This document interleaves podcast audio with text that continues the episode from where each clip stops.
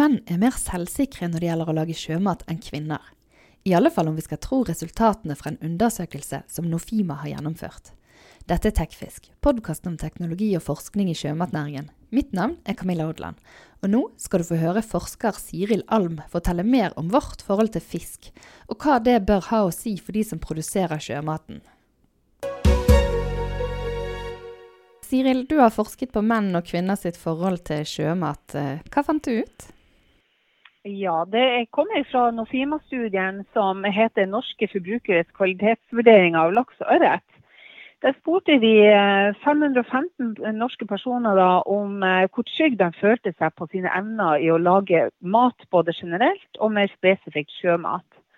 Og Bakgrunnen for dette er jo for at vi ser at uh, mennesker som føler seg trygge i sine matlagingsevner, har større sannsynlighet for at de både lager mer sunn og ernæringsriktig mat og spiser eh, sunn og ernæringsriktig mat. Og Resultatene fra den studien viser jo da at menn og kvinner har ganske lik selvtillit når det gjelder å lage mat generelt. Men når man ser mer spesifikt på eh, evner i å lage sjømat, så er menn mer selvsikre på at de kan lage sjømat i forhold til kvinner. Og hva som gjør det, da? Nei, Det vi tror, det har med at eh, det å lage sjømat har en identitetsskapende verdi for menn. At eh, de bygger opp sin identitet rundt det å være en dyktig kokk, og kanskje spesielt en dyktig sjømatkokk. Eh, og, eh, og, det kan jo også ha en, eh, en sammenheng med det her urinstinktet med at menn var ute på jakt og, og skaffa mat eh, for familien sin. Så vi lurer på om det her kan ha noe med det instinktet at eh, de eh, tar med seg maten hjem og sørger for at familien har noe å spise. Det blir litt som, som med grilling. Det der òg er jo det mennene som ruller, er mitt inntrykk. Ja, for det vi kan se, og når vi også har lest andre studier, det er jo at eh, menn eh, ser på matlaging mer som en hobby. At eh, de lager mat når de har lyst til det og anledning til det. Eh, med festlige anledninger, og gjerne når det skal grilles. Mens kvinnen derimot ser mer eh, på matlaging som en, en plikt, og, og, at de har et omsorgsperspektiv hvor de skal sørge for at familien deres har uh, sunn og ernæringsriktig mat å lage. Og det er jo som regel kvinnen da, som tar ansvaret for de daglige måltidene hjemme. Mens menn kanskje mer kommer inn på, på kjøkkenet når det er spesielle anledninger. Ja, og, og, det at menn da har mer selvtillit når eh, det gjelder sjømat, var det noe som overrasket dere? Ja, vi forventa vel egentlig ikke det. Også for at Andre studier viser jo at eh, altså, matlaging har jo primært vært kvinnens eh, domene. Men eh, man ser jo nå mer og mer i media at du får mer maskuline rollemodeller, sånn som Gordon Ramsay, Jamie Oliver og Eivind Hellstrøm. Så jeg tror at flere menn nå anser også at matlaging kan være en maskulin aktivitet, og det er på en måte mulig for dem å briljere med sine matlagingsevner. Og nå når dere har funnet ut det, hva bør eh, de resultatene føre til? Ja, altså Det er jo eh, viktig da at de som eh, både produserer og markedsfører sjømat eh, til forbrukerne, at de er klar over at eh, men har et annet motiv for å kjøpe og lage sjømat. At eh, for, for, mange, altså spesielt eh, kvinner i egentlig alle aldre og yngre menn, er det her med bekvemmelighet veldig viktig. At det er raskt å tilberede maten eh, og lett å lage maten. Mens eh, menn som gjerne er litt eldre, som vi fant ut i denne studien, eh, vil helst ikke ha så veldig bekvemmelige matvarer. for at det fratar dem muligheten til å briljere på kjøkkenet. De vil ha en hel fisk så de sjøl kan sløye og ordne og Ja. Altså, la oss si, altså, Sjømat er jo én ting, men det er jo tilbehøret òg. Så la oss si at man markedsfører eh, sjømat med at man kan eh, kjøpe en ferdig saus. Eh, så fratar man eh, de her mennene da muligheten til å lage en saus fra grunnen av, og, og da kan briljere på kjøkkenet. Sånn at man eh, kanskje må endre på markedskommunikasjonen eh, og kanskje eh, altså det som står på emballasjen, hvis man har, som, har et litt sånn høyeksklusivt sjømatprodukt. At det er mer, man fokuserer kanskje mer på det kulinariske, god smak, i stedet for at det er lett og raskt å tilberede. Men kan du si litt om hvordan dere har funnet ut dette, at eh, menn har mer selvtillit enn damene når det gjelder sjømat? Hvordan har dere gått frem? Ja, altså Vi har stilt en rekke spørsmål i et spørreskjema. da, så da har vi jo eh, noen sånne spørsmål som går ut på eh, hvor trygg føler du deg på at du kan lage mat ved å følge en enkel oppskrift. Eh, og når man går mer spesielt inn på sjømat, så er det eh, spørsmål som eh, hvor trygg føler du at du kan lage en god middag med sjømat? Og da har vi jo flere spørsmål som går på det. Også vurdere hvor, hvor trygg føler du at du kan vurdere kvaliteten på sjømat. Og der ser vi da at mennene skårer eh, høyere på at de føler seg trygge på at det kan de eh, gjøre. Mm. i forhold til kvinner. Mm, så dere har ikke hatt innefolk og bedt de følge oppskrifter og gjort det i praksis? Ja, nei, det her er spørreskjema som eh, de forbrukerne har eh, fylt ut hjemme. Men det er også etter at de har kjøpt et eh, lakse- og ørretprodukt. Sånn at eh, de, vi vet at de har tilbereda eh, et sjømatprodukt i, i, i, forbindelse med det spørreskjemaet som de har fylla ut. Mm, ja, for Kan du si litt om hva andre ting dere fant ut gjennom denne studien? Ja, altså Vi fant ut og ikke så overraskende, så pris er jo veldig viktig. Eh, at, eh, og det, det var, Her var jo snakk om de måtte kjøpe et lakse- og ørretprodukt. Og som vi vet, så har jo prisen økt de siste årene på de her produktene. Så pris er viktig for alle de segmentene i, i denne eh, undersøkelsen. Og Dernest er det god smak som er viktig.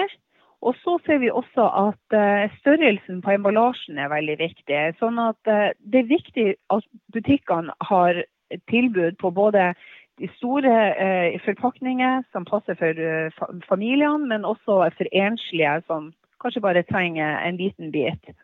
Sånn at De ønsker ikke å kjøpe mer enn de har behov for å lage til ett måltid.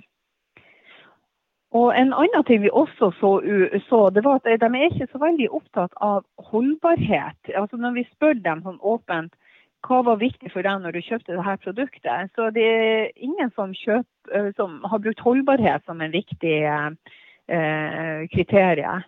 Men, og det har vel med at eh, skal de kjøpe, lage denne eh, laksefileten samme dag eller dagen etter, så kjøper de et ferskt produkt. Skal de ha den hjemme for å tilberede den på et senere tidspunkt, så kjøper de et frossent produkt. Ja, og det gjør jo at eh, man ser jo at det er merker Noen produsenter har jo en sånn merke som heter Keep It, f.eks.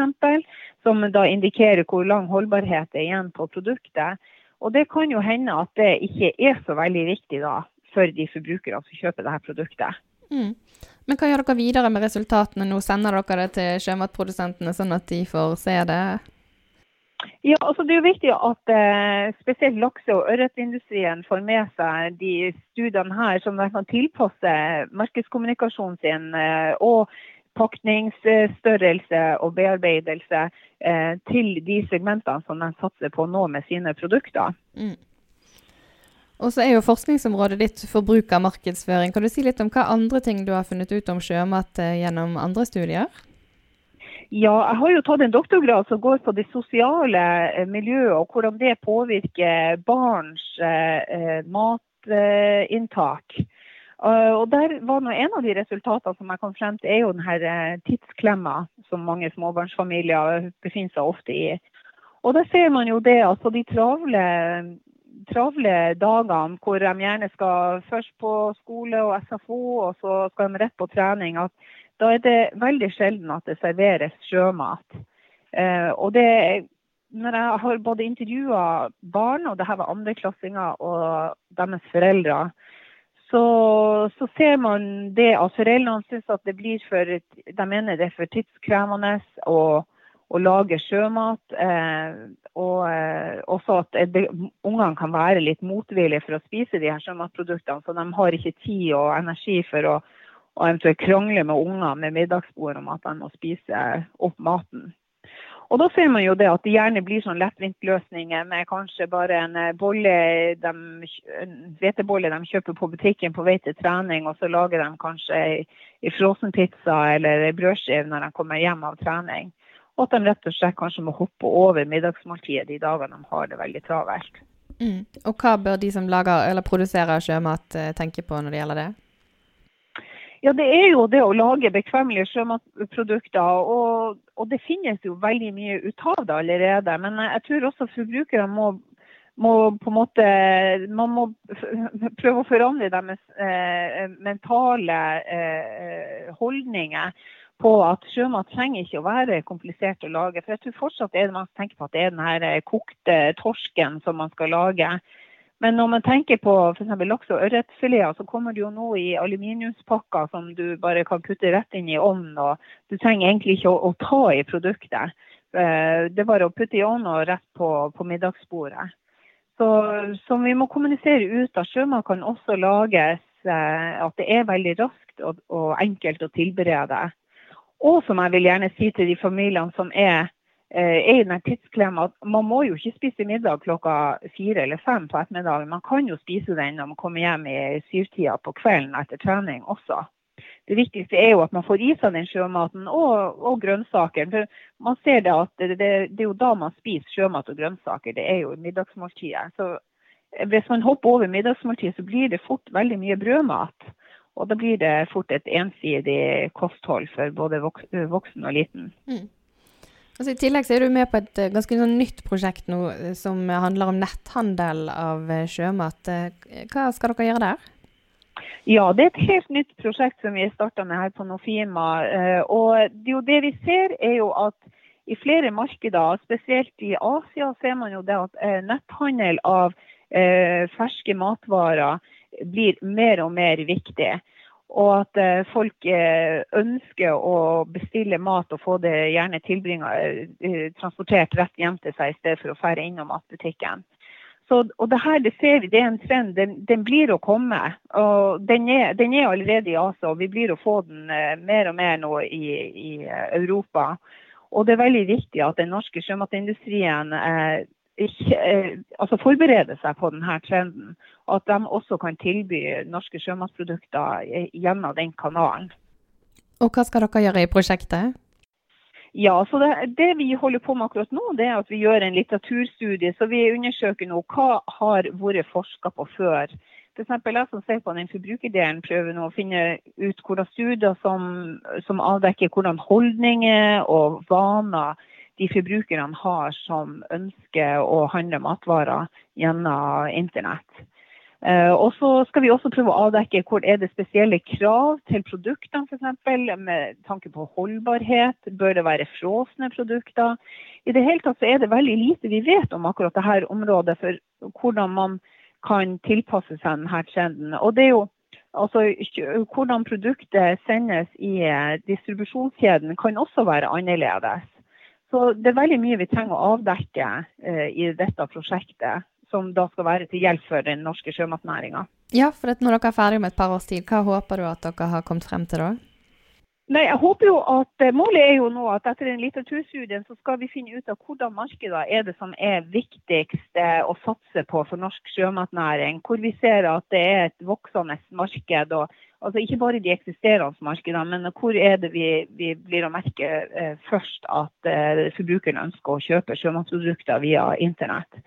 Og, da kan vi, Når vi har avdekka hvordan markedene som er mest viktige, så skal vi dra ut i de markedene og snakke med importørene om hvordan krav de stiller da, til eh, sjømatproduktene.